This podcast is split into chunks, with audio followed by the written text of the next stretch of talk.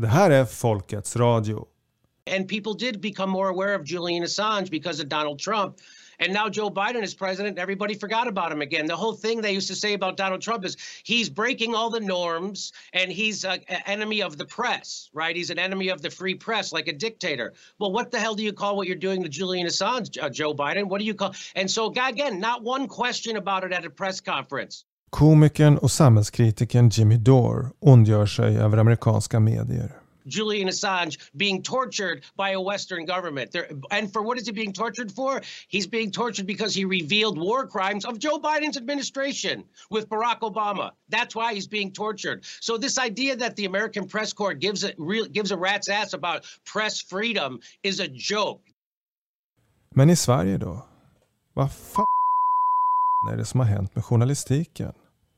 Jag vet inte hur många gånger jag har fått den frågan i synnerhet under det gångna året. Jag är eh, helt... Eh, jag kan inte ens hitta ett ord för det. En som kanske kan kasta ett visst ljus över det här ämnet är den erfarne publicisten Arne Rut som tagit initiativ till ett upprop för Wikileaks-grundaren Julian Assange.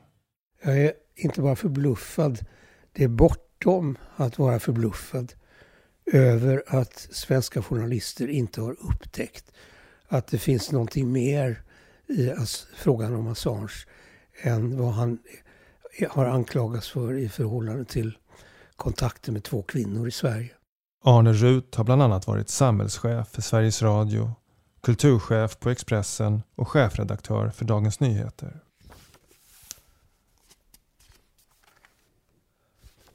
Ingången i vårt samtal är en ny bok om fallet Julian Assange. Um die Dunkelheit zum Verschwinden zu bringen, genügt es, dass wir unser eigenes Licht dort erscheinen lassen. Skriven av FNs rapportör om tortyr, Nils Meltzer. Den svenska översättningen har inte kommit än, men Arne Rut har läst det tyska originalet. Alles, was wir dazu brauchen, ist Mut zur Ehrlichkeit mit uns selbst und mit der Welt. Var och en av oss kan, precis som Julian Assange, förändra världen för att bringa ljus i mörkret. Få mörkret att försvinna. Så räcker det att vi låter vårt eget ljus lysa där vi just själva befinner oss.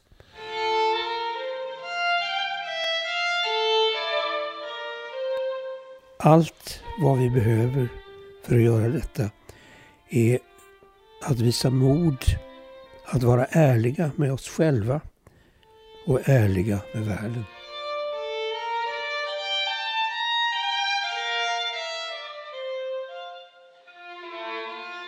First of all, Julian Assange has exposed evidence for systematic state-sponsored torture. And this, uh, these crimes that he provided evidence for have never been prosecuted. Assange har avslöjat statligt sanktionerad tortyr och har sen själv blivit utsatt för utdragen psykologisk tortyr enligt Nils Meltzer. I've examined him together with two uh, specialized medical experts who have spent their lives uh, examining torture victims, and both of them confirmed independently of each other that he showed all the symptoms. Förhoppningsvis får vi snart tillfälle att intervjua Meltzer om hans nya bok som riktar hård kritik både mot det svenska rättsväsendet och mot den svenska journalistiken. Men i det här programmet kommer jag citera ur en artikel han har skrivit på engelska. The purpose of this ill treatment is to demonstrate to the whole world in slow motion what awaits those who expose the dirty secrets of powerful state actors. Assange is mocked, ridiculed, and abused, and his fundamental rights are being trampled upon, whereas the crimes he exposed remain unpunished. The message is clear. Anyone who dares to seriously endanger the privileges of the powerful will be publicly disenfranchised, shamed, and tortured to death, just like in the European Middle Ages. Och han har fullständigt rätt. Vad det här handlar om är att Assange på Wikileaks har avslöjat att USA har begått krigsförbrytelser. Och det är inte de vanliga vittnesmålen att någon har sett krigsförbrytelser.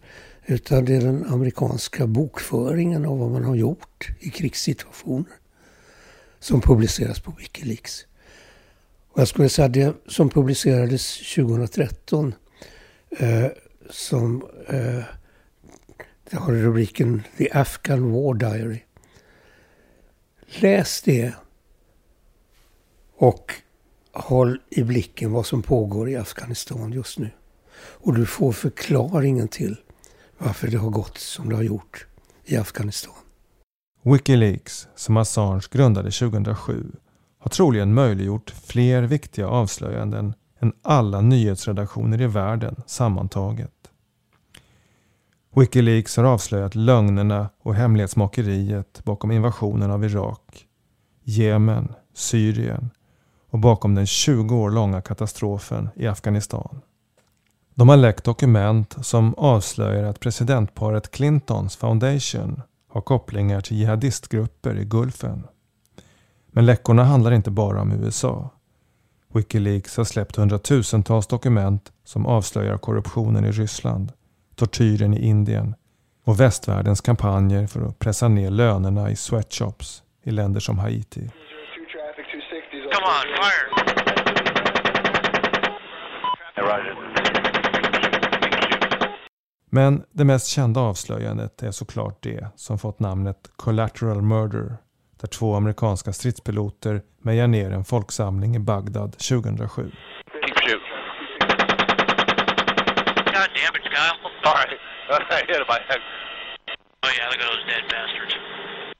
I helikopterkabinen syns folksamlingen som suddiga konturer på en skärm. De påminner om figurerna i ett dataspel. Och piloterna skämtar med varandra medan kulorna penetrerar människors kroppar långt där nere i den verkliga världen.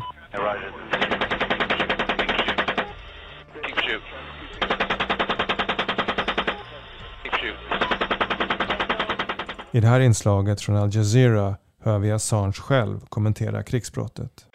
From a distance, you hear the voices on the tape watch as the wounded try to crawl to help. But when help arrives... Come on, let us shoot. You're engaged.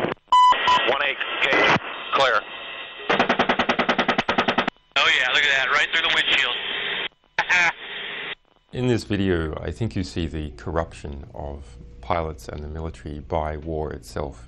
So you see these young pilots acting like they're playing video games, only the high scores they are getting are with real human lives. We call frequency. Yeah, I just drove over a body.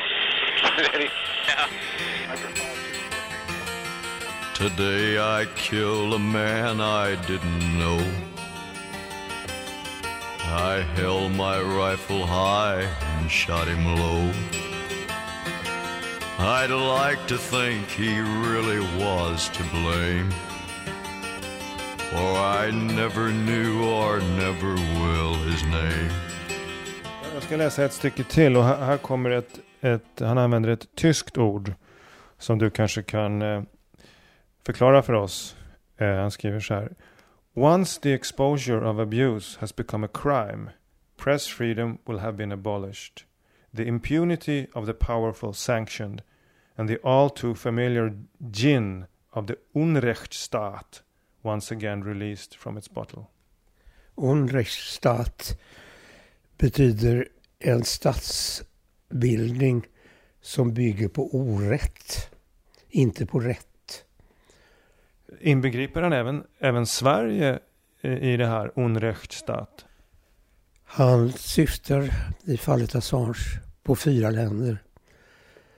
Det är Storbritannien, USA, Ecuador och Sverige som har behandlat Assange på grund av hans vittnesmål om krigsbrott. På grund av att han har gjort kunskaper om krigsbrott offentligt tillgängliga så har de eh, berövat honom hans mänskliga rättigheter. De har tvingat honom för att undvika att bli utlämnad till USA där han riskerar 175 års fängelsestraff för att ha, som man säger, avslöjat militära hemligheter. man tar alltså inte ställning för hans rätt att avslöja väldigt allvarliga övergrepp. Eh, Tillgängligt för var och en av oss att få reda på det via Wikileaks. Utan man tar ställning genom att inte försvara honom och hans rätt att säga det här så begår man orätt. Och I den meningen så är det orättsstaters handlande i det här fallet.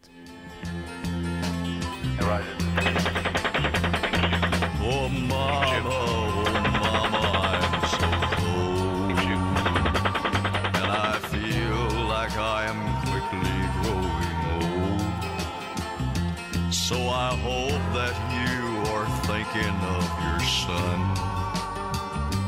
Cause tomorrow morning I'll be 21.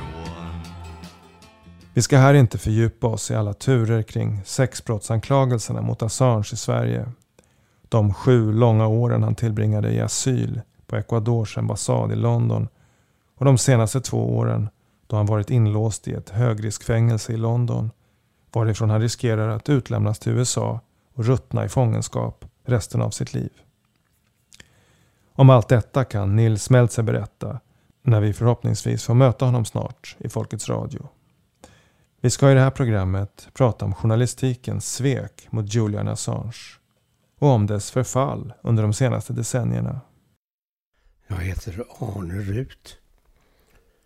Och jag är, kan du säga, skribent eh, som i huvudsak har skrivit journalistik. Men jag föredrar att kalla mig skribent. Han kom som liten pojke till Sverige från Tyskland i andra världskrigets slutskede i den räddningsaktion som kallades de vita bussarna. Ja, jag var bara ett år gammal när vi kom till Sverige. Så eh, jag har absolut inget, min inget minne av den här resan. Eh, I efterhand har jag fått veta att jag blev väldigt sjuk. Eh, jag räddades av Malmö lasarett. Därför att så fort eh, de vita bussarna hade kommit in i Sverige så togs jag om hand på lasarettet. Han växte upp med sin mamma i bruksorten Bengtsfors i Dalsland. Jag blev, när jag var 15 år, eh, bestämde jag mig för, jag hade varit, gått på en, jag hade blivit scoutkonfirmerad. Och jag tyckte att detta var jag inte intresserad av. Då skrev jag en artikel som jag skickade till, eller ett inlägg som jag skickade till Bengtsfors-tidningen. Avskaffa kristendomsundervisningen. Det märkliga är att de tog in artikeln. Bengtsfors-tidningen tog in den trots att ägaren och chefredaktören var pamp i Missionskyrkan, Missionsförbundet i Bengtsfors. Han var alltså själv väldigt kristen. Men han tog ändå in den. Så skrev han en ledarkommentar att jag kanske så småningom skulle komma på bättre tankar. Men han var i alla fall schysst. Jag menar, han fördömde mig inte. Han sa inte att du kommer att hamna i helvete på grund av vad du säger. Utan det var opinionsbildning. Det var öppen opinionsbildning i Bengtsfors-tidningen. Han samlar på gamla radioapparater. Har nästan 200 stycken i sin ägo. Jag har köpt på auktioner och loppmarknader eh, gamla radioapparater. Börja med gamla kristallmottagare från 1910-talet och framåt. Och det, du kan säga att det här handlar om att radion är det medium som har betytt mest för mig. Därför att när jag var liten, jag lärde mig att lyssna på radio. Och att du kan, faktiskt kunde för det första höra människor som talar till dig. Och du kan höra på musik. Time for jazz with the Voice of America Jazz Hour.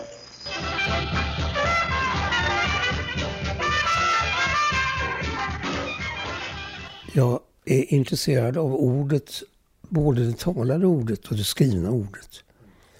Och mycket riktigt så börjar jag, kan man nog säga, på allvar min journalistiska karriär som radiojournalist.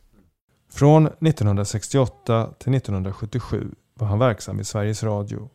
Ja, det började med när jag bodde i Göteborg att eh, tillsammans med en eh, eh, jämnårig eh, tjej eh, som också ville bli journalist så fick vi chans att göra ett radioprogram som heter Tvärs. Som skulle gå på tvärs. Och det var jätteroligt. Vi kunde rätt mycket själva välja ämnen.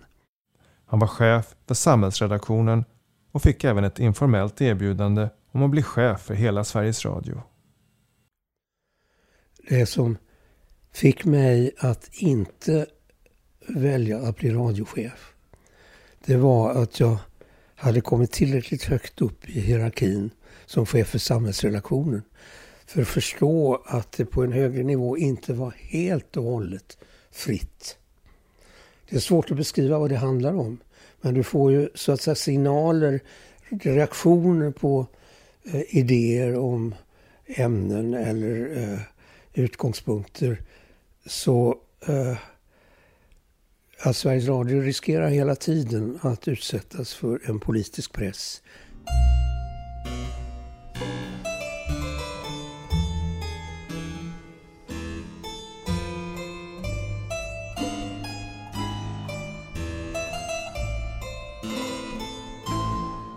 1982 blev han chefredaktör för Dagens Nyheter, en tjänst han innehade i 16 år.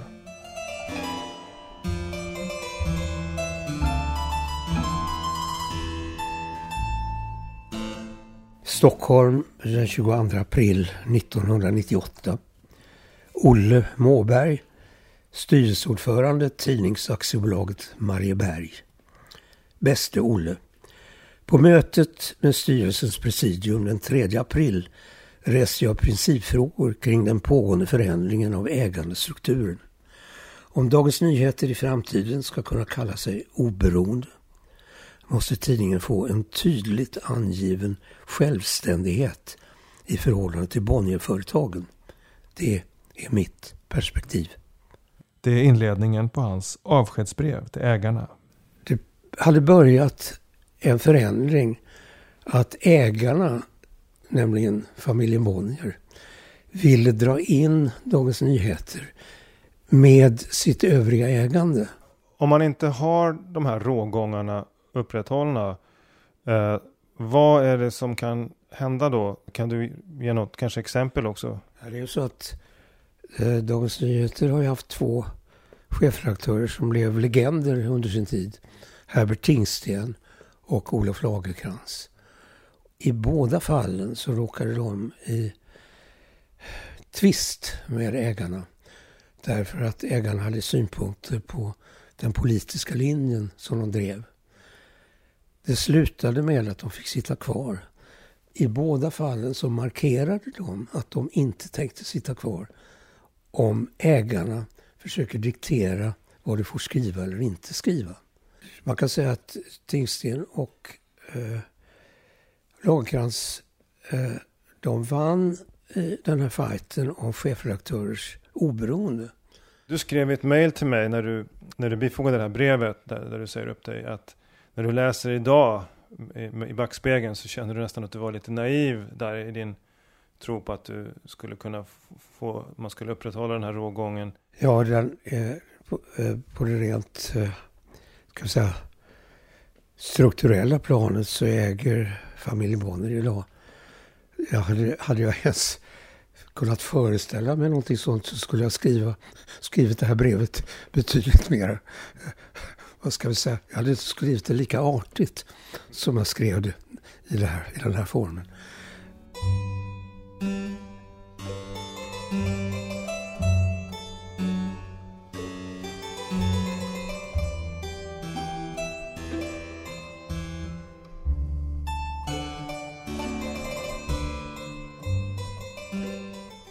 Sverige har haft en ekonomisk struktur som har byggt på en form av acceptans ifrån socialdemokratin.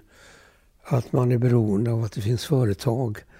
Man har alltså inte velat nationalisera till exempel familjen Wallenbergs ägande. Och det tror jag, jag tror inte att en statsägd ekonomisk struktur fungerar. Det visar det som har hänt i Sovjetunionen. Eh, men däremot så måste man samtidigt kunna diskutera vad ägarkoncentration innebär. Och då är det här som jag till exempel eh, blev så orolig över. Det vill säga att opinionsbildning i form av tidningsutgivning kommer att domineras av en enda ägargrupp. Det är ett exempel på att kapitalismen i sig rymmer risken att skapa svårkontrollerbar makt, politisk maktutövning.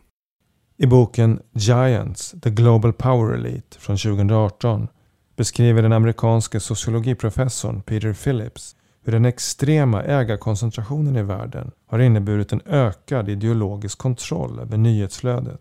Där medierna hjälper till att demonisera de regimer som inte samarbetar med den globala makteliten. I takt med att rågångarna mellan stat och kapital, media och propaganda suddas ut förutspår Phillips att de demokratiska strukturerna kommer att undermineras och ersättas av militariserade polisstater. Det blir vägen mot en fascism som urholkar nationella demokratier. Därför att de är maktlösa emot de här nätverken som kan strunta i gränser fullständigt. De är inte nationellt betingade, även om ägaren och ägarstrukturen kan vara nationellt förankrad. Och det är eh, kanske den allvarligaste, det allvarligaste hotet mot eh, demokrati redan i nutiden.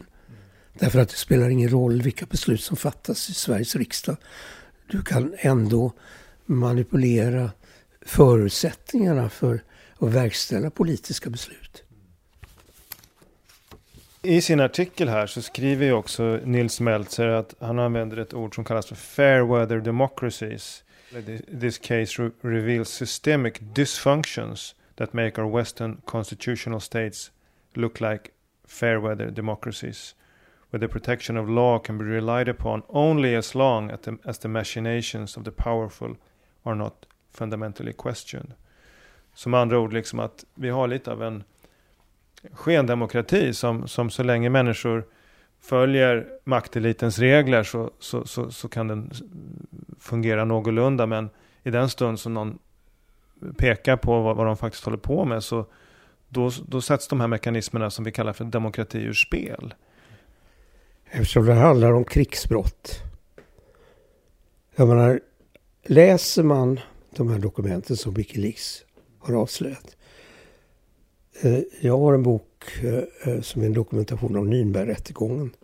Som var det som hände i Tyskland efter andra världskriget och där själva begreppet krigsbrott för första gången definierades. Det är ingen som helst tvekan om att USA har begått krigsbrott. Och där är det både en fråga om hur journalistik fungerar. Finns det ett slags moraliskt perspektiv i journalistiken. Det vill säga att övergrepp mot människor är ett grundkriterium för att man ska beskriva saker, för att man ska göra dem kända. The US military's secret Afghanistan war logs provide the most revealing picture of the conflict so far. An hour by hour account emerges from 92,000 cryptic reports each recording an incident involving NATO troops, a Taliban attack or intelligence received. Ett inslag producerat av The Guardian från 2010 utlagt på Youtube. Hundreds of civilian deaths, a black unit to hunt down Taliban leaders. They were shared with The Guardian by the whistleblower's website WikiLeaks. Its founder, Julian Assange, explains why he made it public. If journalism is good, it is controversial by, by its nature.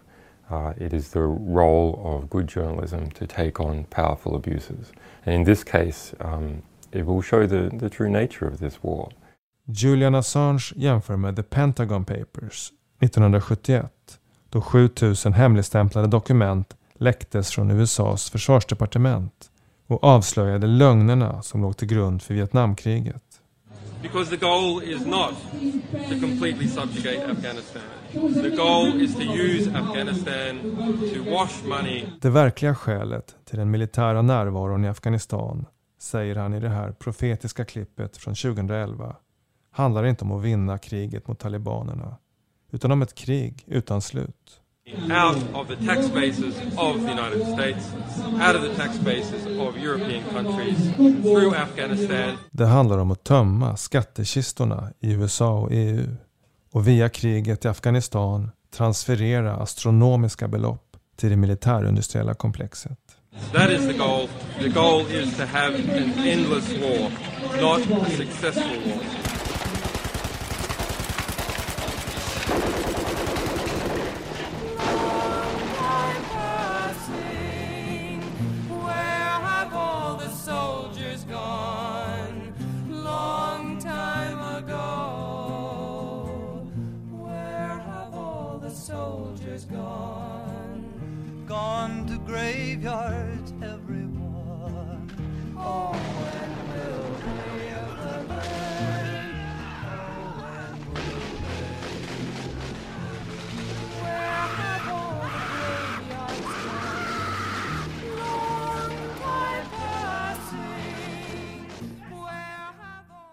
Du har ju lärt känna många betydande journalister under dina år. Eh, en av dem är Günther Wallraff. För de som inte vet vem han är och vad det är att wallraffa. Kan du ge en kort introduktion? Han eh, tyckte att det här med att du som journalist står vid sidan av och du försöker komma in i byggen där det pågår saker som du vill komma åt.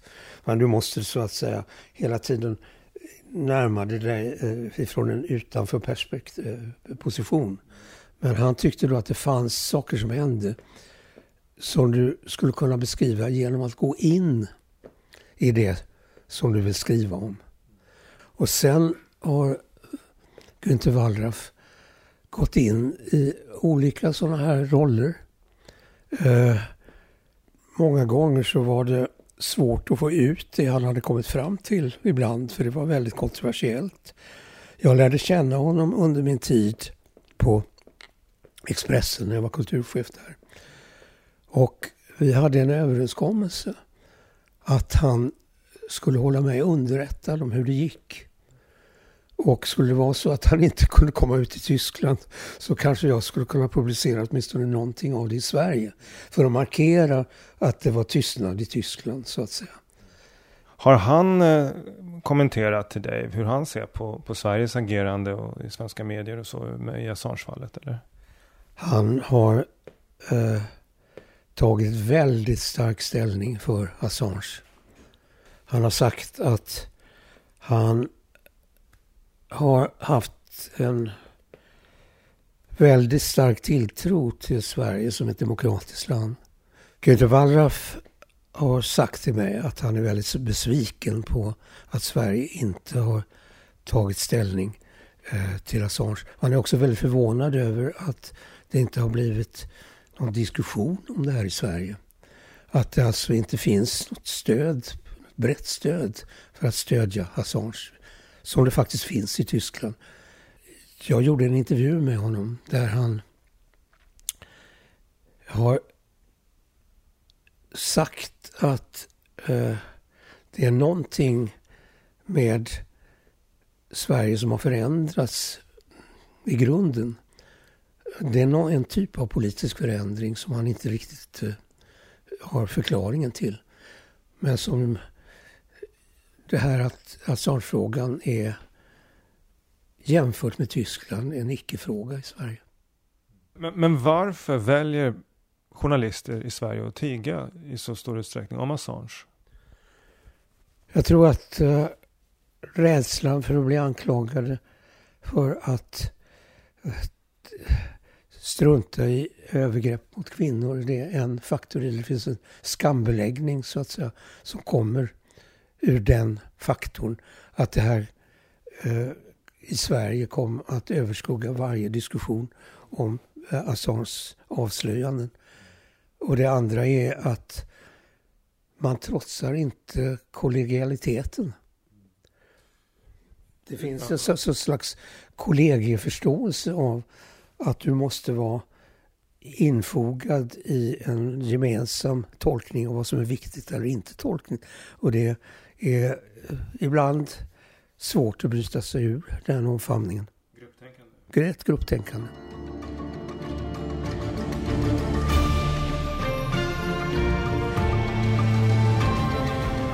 Om man vill få en ögonblicksbild av hur svenska elitjournalister förhåller sig till Julian Assange kan man lyssna på det här inslaget i Studio 1 från våren 2016.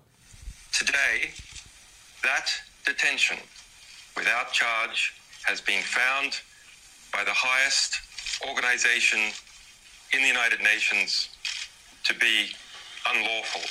Assange håller presskonferens med anledning av att en FN-panel kommit fram till att han blivit godtyckligt frihetsberövad. Sveriges Radios London-korrespondent Daniel Alling kommenterar. Hur det kan vara ett olaga frihetsberövande när han självmant har sökt sig till Ecuadors ambassad för att försöka undvika eh, att han ska gripas och lämnar, lämnas ut till Sverige för förhör om de sex brott som han fortfarande är misstänkt för. Ja, jag skulle väl säga att det var en vinklad rapportering. Eh, som om eh, det vore fullständigt eh, irrelevant vad det är Assange de facto hotas av om han inte håller sig på den ekvadorianska ambassaden, det vill säga det som han nu har råkat ut för. Att han har hamnat i ett brittiskt fängelse. Att det brittiska rättssystemet med också en politisk nivå ska avgöra om han kommer att utvisas till USA och att man har ett nyhets, en nyhetsrapportering om det här som överhuvudtaget inte diskuterar den principiella rättsfrågan.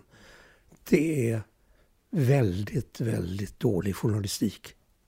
Men vi ska också presentera vår andra gäst, Lars Truedsson, finns här i studion.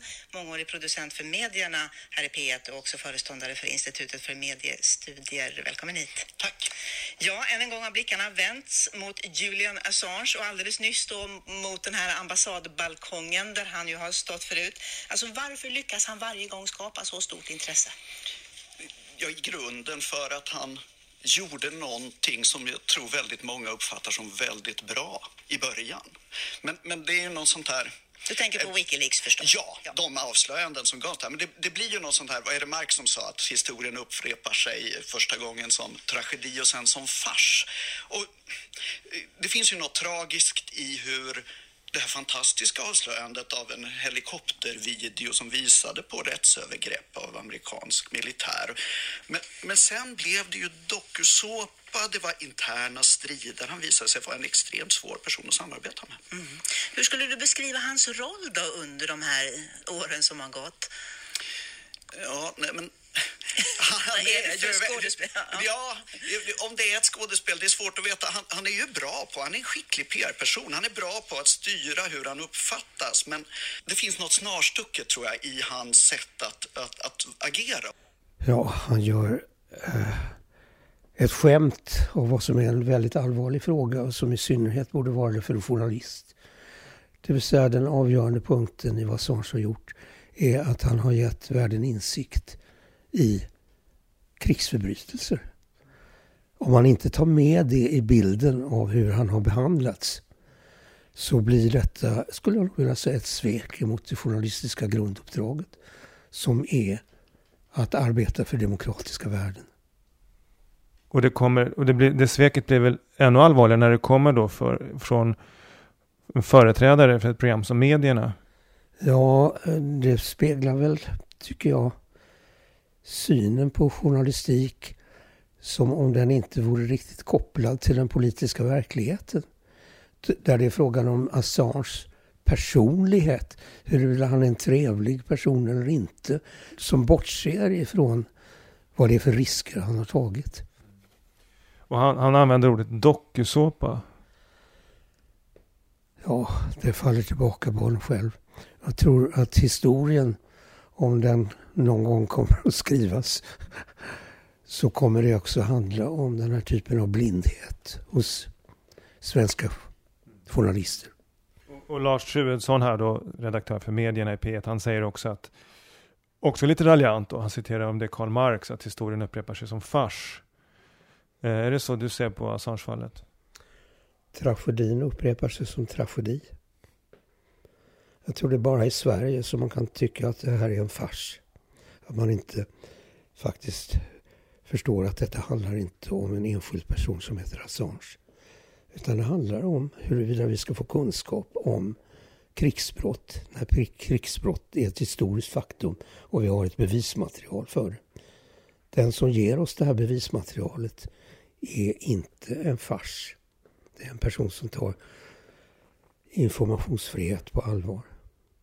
Det jag tänkte på när jag hörde det här, det var det citatet av Meltzer där han pratar om Fairy Day Democracy. Att så länge man följer spelets regler och inte avslöjar de verkliga makthavarna, då, då kan vi få hållas lite grann. Men när man, när man går över den här gränsen, då har man inte heller någon lojalitet att förvänta sig då ens från de ledande journalisterna i, i Sverige i det här fallet. Vackert väder-journalistik bygger på föreställningen att demokratin är säkrad. Att det inte kommer nya hot som man kanske inte känner igen direkt. Och Assange-fallet är för mig ett sånt hot. Det är de facto amerikanska politiska militära intressen som har gjort Assange till sin huvudfiende. Det är en symbolisk huvudfiende. Symboliken ligger i att man vill få andra journalister att inte riskera det som Assange har blivit utsatt för. Det är ett mycket tydligt symboliskt budskap som ligger i det här. Eh, en kritik som har riktats mot mainstream-journalister eh, det är att Julian Assange påminner många journalister om att de faktiskt inte gör sitt jobb. Han gör det som journalistiken faktiskt borde göra på Dagens Nyheter, på Sveriges Radio, på Sveriges Television. Avslöja de tyngsta makthavarna i världen, deras smutsiga byk. Och det blir liksom en, en ganska jobbig påminnelse om att, och, och det då omsätts i någon sorts ilska mot honom nästan, att han, att han, att han eh, blottlägger detta faktum. Vad, vad tänker du om den analysen? Ja, det, det ligger kanske någonting i den. Eh, för det handlar väl också om eh, ska vi säga, ens egen statussträvan. Vad är det som ger en status? Eh, journalistrollen är, är, mer komplicerad än vad det var eh, när jag var väldigt aktiv anställd journalist. I den meningen att eh, Eh, du kan bli en kändis som journalist idag på ett sätt som du inte kunde bli på min tid. Eh, du, du blir en mediapersonlighet. Och i det här så ligger, tror jag, en risk att man inte vill sticka ut i en fråga som är osäker. Hur kommer jag bli betraktad om jag gör det här? Om jag tar upp det här ämnet? Att man alltså tar en risk som påverkar glansen i den egna yrkesrollen. Det tror jag är en faktor. En annan är tystnaden i Sverige överhuvudtaget eh, när det gäller amerikansk så kallad säkerhetspolitik. Det vill säga det förs ingen politisk diskussion heller om det här. Just det. Du, du, du säger i en intervju till norska klassekampen är det va? Ja. Att du tycker det är slående att det här inte har blivit en politisk fråga i Sverige. Ja, det är obegripligt. Ja, men inget av våra partier tycker att det här är värt att göra någonting av. Och det egendomliga är då att vårt lilla grannland Norge eh, har på ett helt annat sätt haft en diskussion om Assange. Det är inte någon entydig ställningstagande för honom. Men de har åtminstone upptäckt att det är en nyhetsstory. Det är en dramatisk nyhetsstory. Vad som pågår just nu i en rättssal i London som i grunden handlar om på vilka grunder han ska kunna utvisas till USA. I, I was the CIA director. We lied, we cheated, we stole. Like... Vi stal, vi lurades, vi ljög.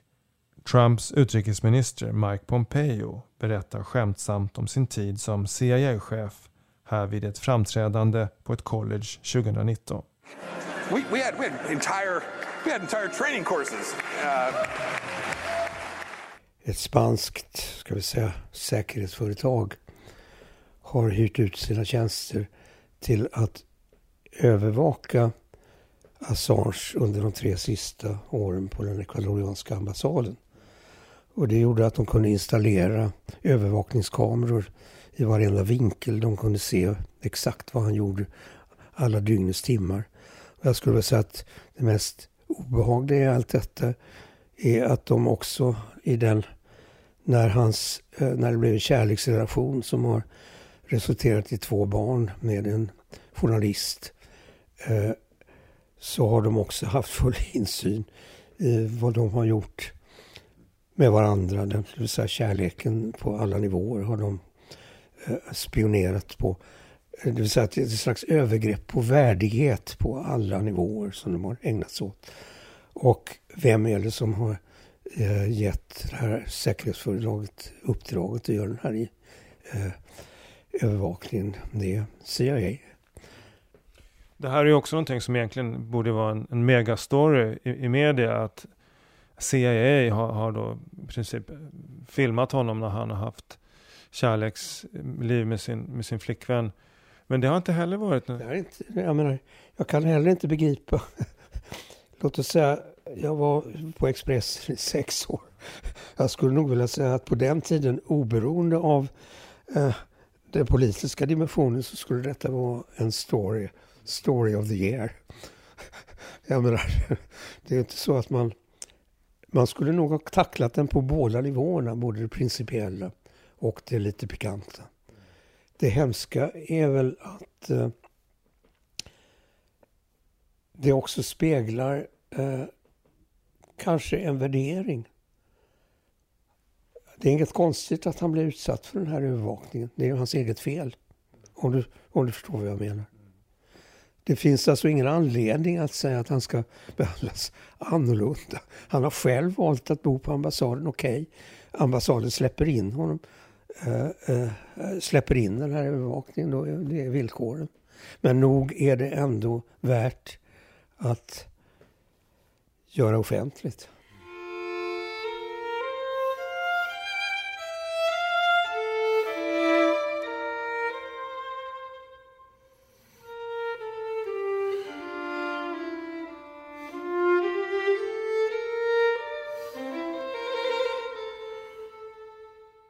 Åren i fångenskap och isolering har fördärvat Assanges hälsa. Han har magrat och påvisar en sänkt kognitiv förmåga. Men Nils Meltzers upprepade varningar om att Assange utsätts för tortyr har i stora delar ignorerats av mainstream-media. Man kan fråga sig vilket utrymme Meltzers rapport hade fått ifall den handlat om tortyren av en fängslad dissident i Ryssland eller Kina. Returning to the conflict, how yeah, long... better return to the conflict because this is not what you like. You like only to accuse. I den här intervjun från i somras försöker BBCs reporter fråga Armeniens president om bristerna i pressfrihet i landet, men får oväntat svar på tal. We have free media, we have uh, freedom of speech. But if you raise this question, can I ask you also one? How do you uh, assess what happened to Mr. Assange? Is it a reflection of free media in your country? We're not here to discuss no, my let's country. discuss. No. Let's discuss. No, President In order Aliyev. to accuse me, saying that Armenians will not have free uh, media here, let's talk about Assange. How many years? Sorry, how many years he spent in Ecuadorian embassy, and for what? And where is he now? For journalistic activity. You kept that person hostage, actually killing him morally and physically. You did it, not us, and now he's in prison. So you have no moral right to talk about free media when you do these things.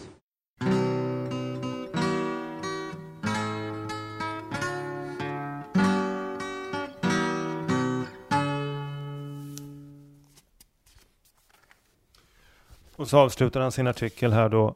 The Assange case must finally be recognized for what it is. A totalitarian attack on the rule of law and press freedom, without which a healthy democracy is not possible.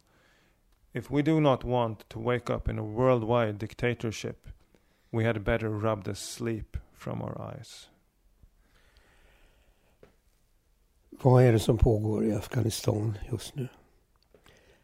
Vi får rapporter om att det är amerikanska trupper som finns i Afghanistan. I själva verket så är det här företag som hyr ut sina tjänster. Det är alltså så att det eh, är jämförbart, eh, om man jämför med Vietnamkriget, det var det ordinary Americans som skickades dit. Och de led svårt. De, många dog eller skadades. Eh, och deras familjer i USA drabbades av vad som hände med de här. Det gjorde att eh, Vietnamkriget fick en enorm politisk laddning i USA.